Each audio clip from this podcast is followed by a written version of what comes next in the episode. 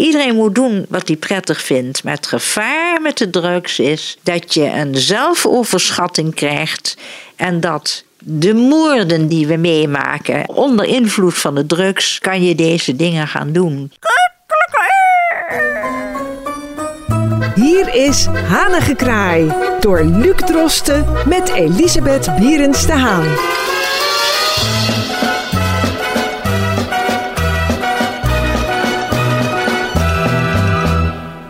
Goedemiddag als u luistert naar Scheltema Live. Of als u via internet luistert, kan het ook uh, goedemorgen zijn, goedenavond of zelfs goedenacht. Iedereen mag zelf weten wanneer die luistert naar Hanige Kraai. Wij zijn iedere donderdag uh, in Scheltema Live te beluisteren. Ik ben Luc Drosten en zit tegenover Elisabeth Bierens de Haan. En wij zijn ook via uh, de website www.amsterdamfn.nl slash hanigekraai volledig terug te luisteren. Mevrouw Bierens de Haan, uh, we gaan het vandaag weer hebben over iets heel erg anders.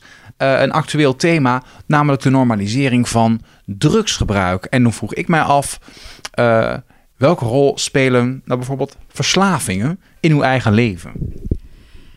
Ik heb geen verslavingen. En um, ja,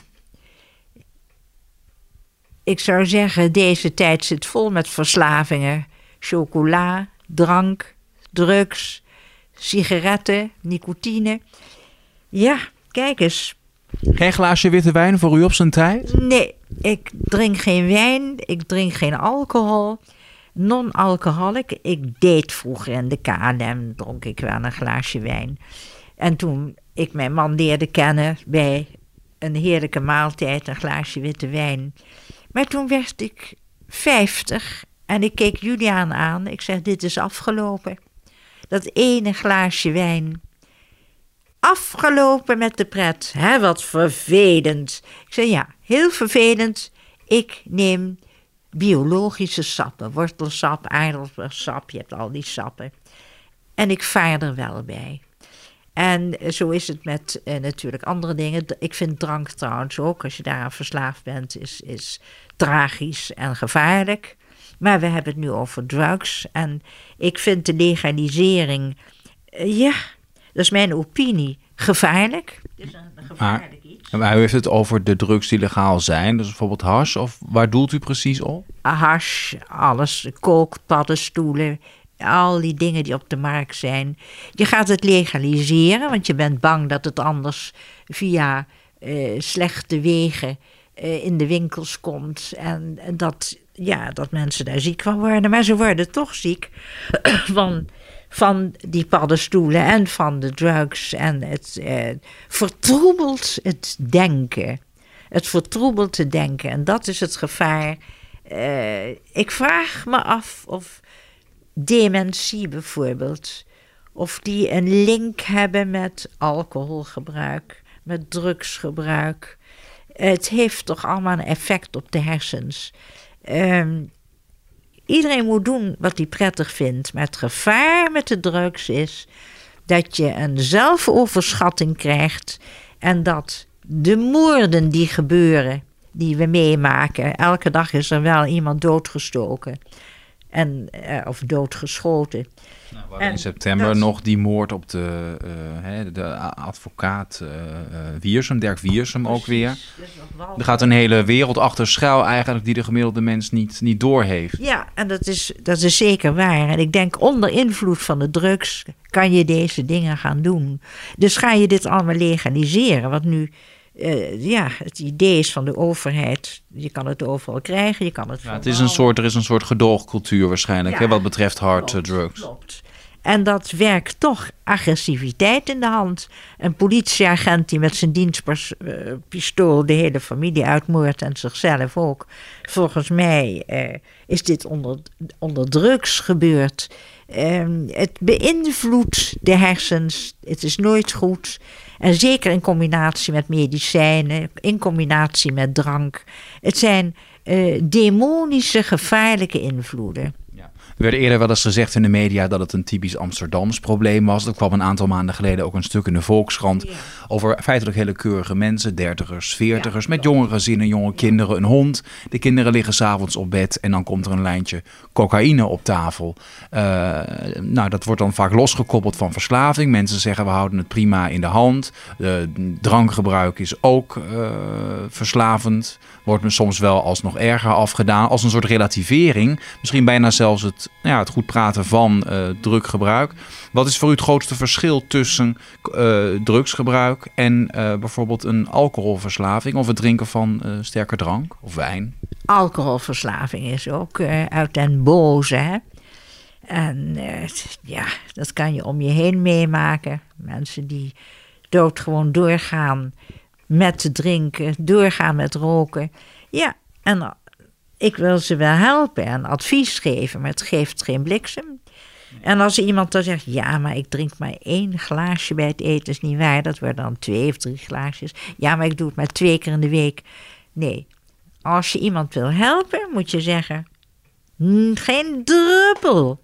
Want dan kom je niet in de verleiding en je haalt het niet in huis. Nou, en dan binnen een paar weken ben je er vanaf en dan ga je andere dingen doen. Wat is voor u, uh, wat weegt zwaarder? Het feit dat het wat met de menselijke gezondheid doet? Of het feit dat, en dat speelt er natuurlijk met name bij drugsgebruik en niet zozeer bij alcohol, dat er een, een criminele wereld achter schuil gaat? Ja, dat is inderdaad een, een verschil.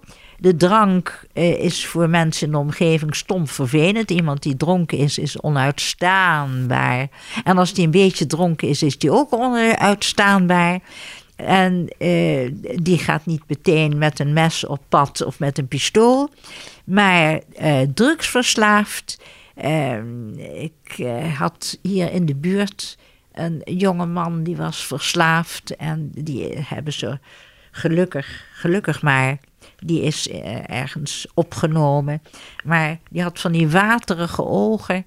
En die was niet op een gewone manier te helpen. Dus dat moest echt op een uh, specialistische manier. In een afkikkliniek is die gekomen. Maar uh, griezelig, als je dan zo iemand ziet. En dan zat ik die jongen te bekijken, griezelig met die waterige ogen. En dan iets, iets wat eng is, wat satanisch is, demonisch, wat, wat eh, in de ziel van zo iemand komt, alleen maar uit een soort nieuwsgierigheid en uit een soort verslaving. je gaat het heerlijk vinden. Je hebt er behoefte aan. Je kan er niet meer zonder. Mensen die zeggen dat ze dat wel kunnen en die zeggen wij uh, zijn van het recreatieve gebruiken, we hebben het prima in de hand. Heeft u misschien een, een tip of een waarschuwing of wilt u die mensen iets in bijzonder mededelen of meegeven? Ja, als mensen verslaafd gaan worden, dan zeg ik je moet het voor zijn en dan neem je contact op met klinieken en die zijn er voldoende. En dan ga je kijken of je opgenomen kan worden. En daar hebben ze hele specialistische afkikmethoden. En dan zeg ik, ga dat maar doen. En met alcohol, als iemand er zelf last van krijgt... maar meestal hebben de mensen zelf geen last van. Dus ze vinden het zelf zo buitengewoon leuk en aardig.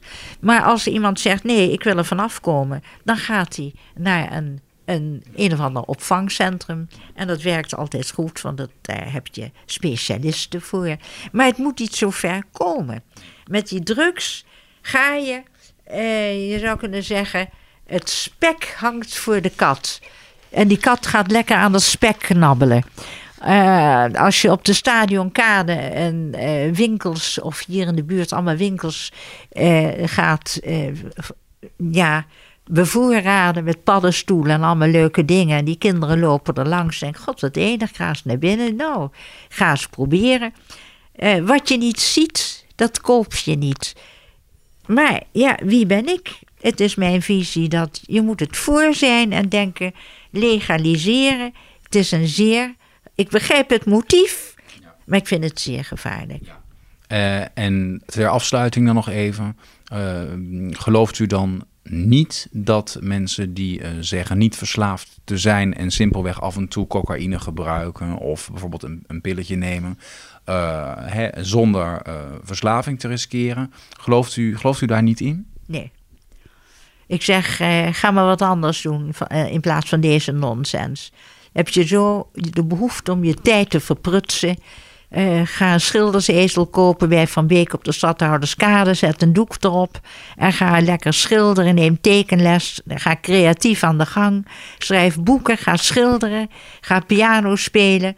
En gooi die rotzooi gewoon het ramen uit. Hups naar beneden, de vuilnisbak in. En dan ben je klaar. En vraag ook geen drugs voor Sinterklaas. Volgende week is het namelijk 5 december. En we hebben al jarenlang de Zwarte Pieten discussie. Maar wij gaan het eens lekker over een andere boeg gooien en dat onderwerp niet oppikken. Want u wil het graag hebben over de goed heiligman zelf. En ik ben heel benieuwd wat u over hem te vertellen hebt. De heilige Famira. Ja, het was een bisschop.